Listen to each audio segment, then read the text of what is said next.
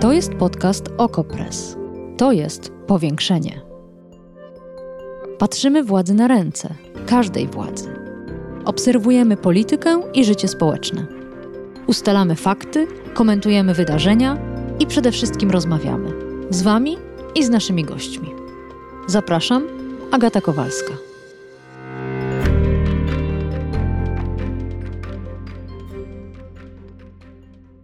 A gościem powiększenia jest pani Anna Dyner, analityczka w Polskim Instytucie Spraw Międzynarodowych. Dzień dobry. Dzień dobry. Zacznijmy od słów, bo one określą nam sytuację, one pozwolą nam e, zrozumieć, na jakiej płaszczyźnie się poruszamy. Czy pani jako ekspertka na co dzień swojej pracy ma jakieś robocze pojęcie, którym się posługuje, próbując nazwać działania rosyjskie wobec Ukrainy, czy w ogóle działania rosyjskie wobec regionu w ostatnich tygodniach. Jak nazwać te sytuacje? Przygotowania wojenne? Wojna hybrydowa? Ostateczny rozpad układu sił w regionie? Ostatnie wydarzenia w zasadzie można nazwać tylko jednym słowem: kolejna odsłona rosyjskiej agresji przeciwko Ukrainie. Dlatego, że jeżeli myślimy o pojęciu wojna, to de facto wojna na Ukrainie toczy się od 2014 roku, kiedy Rosja zajęła Krym, a kiedy Rosja bardzo mocno zaangażowała się w to, co działo się w Donbasie. Więc e, nawet sami Ukraińcy mówią, że dla nich to nie jest nic nowego, a to jest po prostu konflikt, w którym e, oni żyją od siedmiu lat. Mm, w zasadzie nawet za chwilę będzie, będzie ósma rocznica e, wszystkich tych wydarzeń. E, to jest pierwsza sprawa. Druga sprawa jest taka, że e, trudno to nazywać kryzysem ukraińskim, dlatego że bardzo często mówi się w mediach dość potocznie, że jest to kryzys ukraiński. Nie, to nie jest kryzys ukraiński, to mhm. jest sytuacja kryzysowa wywołana przez Federację Rosyjską. I to w zasadzie jest znów kolejna odsłona konfliktu, z którym mamy do czynienia od 2014 roku. Czy jest to wojna hybrydowa? Też, ale tak na dobrą sprawę w tym konkretnym punkcie raczej to pojęcie wojny hybrydowej użyłabym jako podzbioru w myśleniu o tym, że jest to kolejna odsłona agresji rosyjskiej na Ukrainę, dlatego że ciągle toczą się tak zwane działania kinetyczne. To jest e, wojskowe określenie, ale to jest określenie, które mówi o tym, że e, jest używana na co dzień broń, że giną ludzie e, i warto też popatrzeć na to, jak wygląda sytuacja w Donbasie. Mhm. Obecnie jest troszeczkę spokojniej, ale co jakiś czas misja monitorująca OBWE donosi o tym, że miały miejsce kolejne ostrzały, są zanotowane kolejne ofiary, czy to ranni, czy również zabici. Więc e, to nie jest tak, że e, ta hybryda, która jakby zakłada, że do, dochodzimy do poziomu właśnie działań kinetycznych, że, że w zasadzie dlatego tego konfliktu nie można nazwać tylko i wyłącznie e, wojną hybrydową. Natomiast oczywiście jest tam bardzo dużo takich elementów związanych choćby z dezinformacją, z walką informacyjną, z działaniami w cyberprzestrzeni z działaniami na arenie międzynarodowej, więc e, to jest bardzo skomplikowane, jak to nazwać, ale wracając do pytania, po prostu e, jest to kolejna odsłona rosyjskiej agresji na Ukrainę. A z czym związane jest to zaostrzenie? Bo strona rosyjska, nie tylko ona, bo jeszcze i białoruska, nazywają te ostatnie działania planem inspekcji sił reagowania państwa związkowego na terytorium Białorusi. Albo mowa jest o tym, że przygotowania są prowadzone do manewrów Związkowa Stanowczość 2022. Czym związać przerzucanie do Białorusi przez Rosję dywizjonów rakiet, myśliwców, artylerii, o co w tym chodzi? To, o czym Pani wspomniała, jest kolejnym elementem tego zaostrzenia sytuacji wokół Ukrainy, dlatego że w zasadzie wszystko zaczęło się mniej więcej w marcu, kwietniu 2021 roku, kiedy po raz pierwszy Rosja skoncentrowała bardzo duże siły u granic e, Ukrainy i na okupowanym Krymie. Później e, te siły były rotowane różnie po kraju, część z nich wzięła udział w dużych białorusko-rosyjskich manewrach mhm. Zapad mhm. 2021. Więc to była taka, taki pierwszy element. A drugim elementem była kolejna koncentracja jesienią, już po zakończeniu ćwiczeń Zapad, która to koncentracja wojsk była jakby takim preludium również do działań dyplomatycznych, czy próby podjęcia działań dyplomatycznych, oczywiście dyplomatycznych w cudzysłowie, e, które Rosja zaproponowała państwom zachodnim w grudniu e, ubiegłego roku, czyli te słynne rosyjskie żądania i projekty dwóch traktatów czy porozumień ze Stanami Zjednoczonymi i z NATO dotyczących m.in. takich żądań jak nierozszerzenie sojuszu na wschód, jak wycofanie infrastruktury wojskowej do stanu i wycofanie infrastruktury wojskowej z państw nowo przyjętych, czyli przyjętych po 1997 roku. I do tego należy dołączyć to, co się dzieje obecnie na Białorusi. Warto zwrócić uwagę, że te ćwiczenia, których aktywna faza z kolei będzie w lutym, one były zapowiadane już późną jesienią, wczesną zimą poprzedniego roku. Ale zaraz, bo pani mówi, nie powinniśmy się przejmować, bo te ćwiczenia były zaplanowane nie, nie tak samo jak. No właśnie, bo przy ćwiczeniach Zapad podobnie Rosja e, tłumaczyła, że to są ćwiczenia, które się odbywają regularnie, cyklicznie i nic dziwnego, że e, tyle wojska zostało zgromadzone przy granicy. Bo, właśnie to, to była moja jakby następne moje zdanie. Mhm. Natomiast e, te ćwiczenia, które właściwie się rozpoczęły na Białorusi, to są nowe ćwiczenia. To nie są ćwiczenia, które są ćwiczeniami regularnymi, co jest istotne też z punktu widzenia polityczno-wojskowego nie są to klasyczne ćwiczenia regionalnego zgrupowania wojsk, które tworzą siły zbrojne Białorusi i część jednostek zachodniego okręgu wojskowego Federacji Rosyjskiej. Dlaczego? Dlatego, że w tych ćwiczeniach biorą udział jednostki ze wschodniego okręgu wojskowego, które zostały częściowo już przerzucone do Białorusi, częściowo są w drodze. Jest też obserwowana bardzo widoczna koncentracja wojsk rosyjskich nie tylko przy granicy z Polską czy z państwami bałtyckimi, ale również przy granicy z Ukrainą. Nie zawsze w miejscach, które zostały jak do tej pory wskazane jako te poligony, na których te rosyjsko-białoruskie ćwiczenia się odbędą. Mhm. I patrząc też na e, słowa czy Aleksandra Łukaszenki, czy Władimira Putina, widać, że jest to dodatkowy element budowania presji polityczno-wojskowej na Ukrainę. No to wprost, przygotowałam nawet cytat, to minister obrony białoruski. Siły zbrojne Rosji i Białorusi biorą pod uwagę sytuację, w której dla zagwarantowania bezpieczeństwa potrzebne będzie użycie całego potencjału wojskowego obu krajów. I może się okazać, że te ćwiczenia, o których mówimy i regionalne zgrupowanie wojsk okaże się niewystarczające. Co to wszystko razem, te wszystkie elementy, które pani wymieniła, plus te słowa w sumie oznaczają? Tak na dobrą sprawę one oznaczają kilka rzeczy i tu też w zależności od tego, na jakiej płaszczyźnie będziemy rozmawiać. Jeżeli chodzi o kwestie białorusko-rosyjskie, pokazują one w zasadzie niemal całkowitą integrację wojskową obydwu państw. Integrację, która drastycznie przyspieszyła po wyborach z 2020 roku.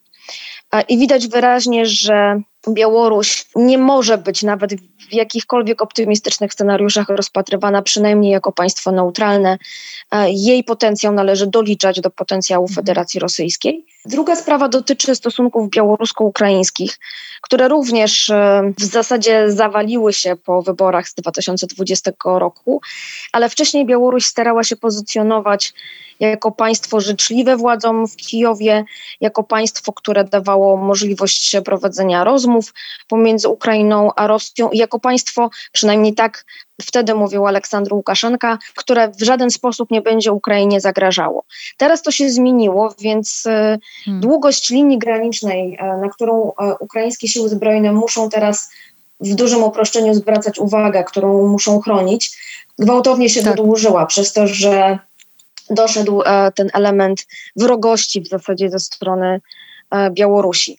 E, a patrząc na to bardziej globalnie, to co się dzieje, czyli e, demonstracja zdolności rosyjskich do przerzutu mhm. sił na Białoruś, do koncentracji sił przy granicy z Ukrainą, ale również na okupowanym Krymie, bo też warto zwrócić uwagę choćby na jednostki morskie i okręty, które płyną teraz prawdopodobnie na Morze Czarne. To wszystko pokazuje, że Rosjanie chcą państwom zachodnim, NATO i również Stanom Zjednoczonym bardzo mocno zasygnalizować, że ich potencjał wojskowy, zdolności wojskowe znacząco wzrosły. Na tym, nazwijmy to też znowu używając wojskowego języka, na tym teatrze działań i że są w stanie bez kłopotu e, tak duże liczebnie e, manewry. ja tego nie rozumiem. Więc... Jakby pani mi pomogła to, to pojąć.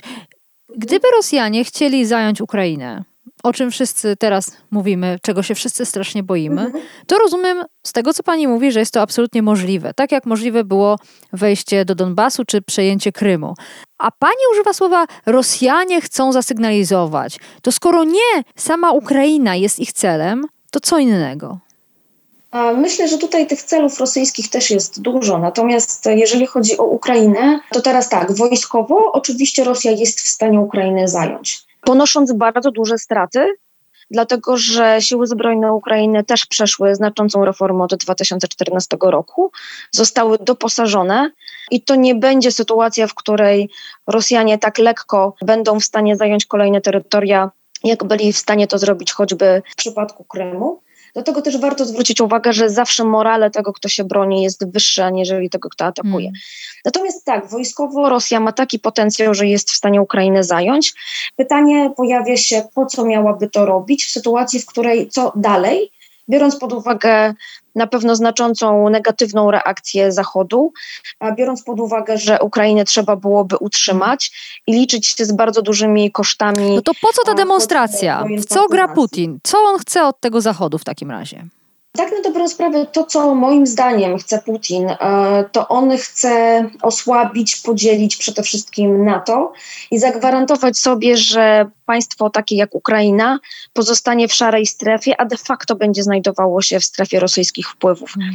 I tu w zasadzie e, można zacząć kolejną długą dyskusję na temat tego, jaki jest styl myślenia władz rosyjskich, bo oni jednak myślą kategoriami geopolityki, świata podzielonego na strefy wpływów, świata zarządzanego przez koncert mocarstw. Stąd też te rozmowy przede wszystkim ze Stanami Zjednoczonymi, bo Rosjanie wyraźnie wskazują, że tak naprawdę to Stany Zjednoczone Mm. rządzą NATO. Więc dla nich jakby rozmowa z innymi graczami w tym momencie ma mniejsze znaczenie, żeby nie powiedzieć, że z niektórymi jest w ogóle bezcelowa. A, I sądzę, że to jest e, taka idea Rosji, po pierwsze zagwarantować e, to, że Ukraina nie, czy Gruzja nie będą członkami NATO, bo byłby to też bardzo niekorzystny sygnał polityczny dla społeczeństwa rosyjskiego, ale też z wojskowego punktu widzenia trudno się też sztabowcom w Moskwie dziwić, że, że to jest ich tak, bym powiedziała, nocny koszmar, o tak, tak, bym, tak bym to określiła. Więc, e, a ponieważ e, bardzo mocno takiemu myśleniu wojskowemu rosyjska polityka zagraniczna jest podporządkowana, e, no to widzimy, jakie są tego efekty. A przy okazji jeszcze Rosja właśnie chce ugrać osłabienie NATO, e, co też nie dziwi, dlatego że jeżeli popatrzymy na wszystkie dokumenty strategiczne, na wypowiedzi najważniejszych polityków rosyjskich, NATO nigdy nie przestało być największym Mhm. zagrożeniem A tu e, jeszcze y, pojawiło się dzisiaj... nie, niezależnie od tego, że NATO jest tylko sojuszem obronnym, ono zawsze jest postrzegane przez Rosję w kategoriach a, tego, który próbuje ją okrążyć, próbuje jej zagrozić. Hmm. Jeszcze pojawiło się dzisiaj oświadczenie e, rosyjskiego MSZ. E, Rosja chciałaby wycofania sił NATO z Bułgarii i Rumunii i to byłoby element tak zwanych gwarancji bezpieczeństwa, czyli dokładnie tak jak pani mówi, kolejny element osłabiania NATO i tej gry sił. A propos NATO i a propos prezydenta e, Stanów Zjednoczonych, mm, wydaje się, że się skompromitował, mówiąc o tym, że zależnie od tego, jaki rodzaj inwazji Rosja przeprowadzi na Ukrainę, to i odpowiedź będzie różna. Dokładnie mówiono o tym, że im mniejszy najazd, tym mniejsze sankcje. Później się z tego wycofywał, ale ja mam wrażenie, że to nie był przypadek, że rzeczywiście Stany Zjednoczone nie mają stabilnej, dogadanej strategii, co robić wobec e, tej sytuacji na, na wschodzie. Niestety można takie wrażenie odnieść, Mm. ale to w dużym stopniu wynika też z tego, że sama administracja Joe Bidena e, nie do końca jeszcze tą strategię sprecyzowała, bo z drugiej strony, jeśli popatrzymy choćby na e, oświadczenie sekretarza stanu Blinkena, ono już szło w zupełnie innym kierunku. Jeśli popatrzymy nawet na politykę, jaką NATO jako NATO stosuje, też ona się różni, bo słowa sekretarza gene- generalnego Stoltenberga mówiące o tym, że to Ukraina i NATO będą decydowały, czy Ukraina do sojuszu przystąpi, e, no też e, nie są odczytywane w Moskwie jako, jako słabość. Mm. Natomiast e, absolutnie warto zwrócić uwagę też na pewien moment polityczny. To, że cała historia zaczęła się w 2021 roku, mm, też wskazuje, że Rosja od samego początku próbowała przetestować nową admi- administrację prezydenta amerykańskiego.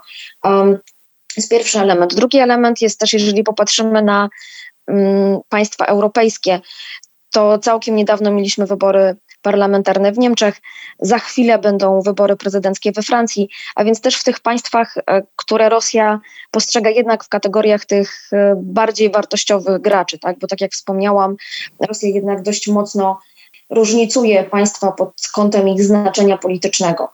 I też e, to jest element trudny, dlatego że NATO jako NATO to jest kilkadziesiąt państw, które muszą się ze sobą porozumieć wcześniej, żeby prezentować jedną politykę. I to jest e, kwestia też czasami rezygnowania ze swoich partykularnych interesów przez o, poszczególne to, państwa. Otóż to, to jest jasne. Natomiast to, co się dzieje teraz na wschodzie Europy, wzmaga ogromny niepokój takich krajów jak choćby Polska, a stabilnej informacji, co Sojusz Północnoatlantycki zamierza zrobić, nie ma. To jest rozczarowujące, ale może pani ma mniejsze oczekiwania, to znaczy nie uważa, że NATO kiedykolwiek mogłoby stanąć na wysokości zadania i działać konsekwentnie. To znaczy, ja bym tak y, mocno też nie krytykowała mhm. NATO, dlatego że jak dotąd zrobiono i tak bardzo dużo od 2014 roku. To jest cały proces adaptacji NATO do zagrożenia ze strony Rosji od szczytu w Newport przez szczyt w Warszawie. E, to są batalionowe grupy bojowe, to jest szpica, to jest rozszerzenie kompetencji dowództwa w Szczecinie. To jest teraz decyzja NATO, że zostaną rozmieszczone dodatkowe elementy właśnie tego IFP, natowskiej obecności w południowej części wschodniej flanki. Więc to nie jest tak, że NATO nie reaguje. Stoltenberg też zapowiedział, że też w zależności od sytuacji, która się będzie rozwijała po naszej wschodniej granicy, będą podejmowane kolejne decyzje odnośnie do choćby wzmacnienia potencjału sojuszu.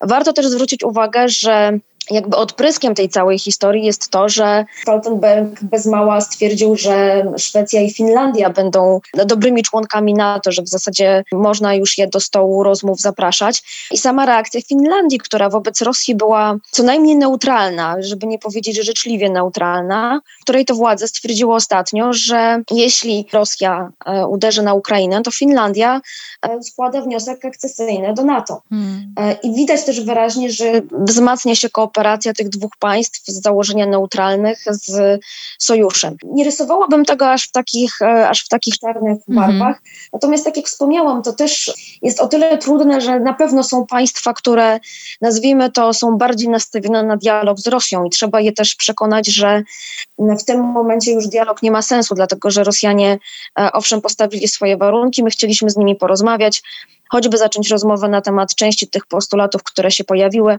ale oni powiedzieli twarde nie, więc skoro oni mówią twarde nie, to my w tym momencie musimy już podejmować e, inne kroki i realizować inne działania. Już zupełnie na koniec. Gdyby spotkała Pani się z osobą, która boi się wojny w Europie, to co by Pani takiej osobie odpowiedziała?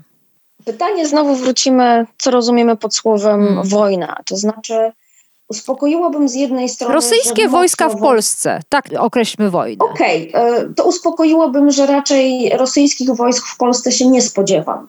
Natomiast to, na co bym zwróciła bardzo dużą uwagę i co jest coś, co nam też umyka i umknęło nam trochę w tej rozmowie, bo się skoncentrowałyśmy na właśnie tych działaniach twardych, wojskowych, ale to jest ten element wojny hybrydowej. Ja znowu wiem, że to jest słowo wytrych, które jest często nadużywane w infosferze. Natomiast ono ma bardzo e, konkretne znaczenie, choćby odnosi się do kwestii społecznych, choćby się odnosi do kwestii informacyjnych, odnosi się do kwestii e, choćby infrastruktury krytycznej. I teraz, jeśli o tym pomyślimy, to bym powiedziała, że ta wojna czy zagrożenia hybrydowe, one będą rosnąć i my musimy być ich świadomi. I zaczynając choćby od prostych rzeczy, jak świadomość tego, że toczy się walka informacyjna przeciwko nam, że warto sprawdzać źródła informacji, nie mhm. ulegać panice i nie ulegać plotkom, to znaczy naprawdę starać się weryfikować te rzeczy, które do nas e, spływają, bo wywołać panikę można paradoksalnie mając, znając socjotechniki i mając duże zaplecze, a Rosja niestety je ma nie jest aż tak znowu trudno. Bo w zasadzie ja się już z takim pytaniem, które pani redaktor mm. mi zadała, już się spotkałam, że o, tak. przeróżni mnie no pewnie. I na przykład moja odpowiedź była taka, mówię, słuchaj, zastanów się, czy masz w domu prowiant i świeczki na 72 godziny na wypadek na przykład e, braku dostaw prądu, co się może zdarzyć w przypadku ataku cybernetycznego na sieć. Niekoniecznie w Polsce, bo to też trzeba na to zwrócić uwagę, bo jest to też system naczyń połączonych z Unią Europejską. I kilka osób stwierdziło, faktycznie nie ma, tak? To znaczy jednak mieć świadomość tego, że to zagrożenie gdzieś, gdzieś jest, nie panikować z jednej strony, ale po prostu być bardziej uwrażliwionym e, na pewnego rodzaju rzeczy, które, o których jeszcze może kilka, kilkanaście lat temu zupełnie tak. byśmy nie pomyśleli. Anna Dyner, analityczka w Polskim Instytucie Spraw Międzynarodowych. Bardzo dziękuję za całe spotkanie. Powiększenie. Podcast OKO.press. Prowadzenie Agata Kowalska. Podcast znajdziesz na stronie OKO.press i w Twojej ulubionej aplikacji do podcastów. Redakcja OKO.press działa od 2016 roku. Jesteśmy obywatelskim narzędziem kontroli władzy, obecnej i każdej następnej. OKO.press utrzymuje się z Waszych darowizn. Wesprzyj nas, byśmy mogli działać dalej.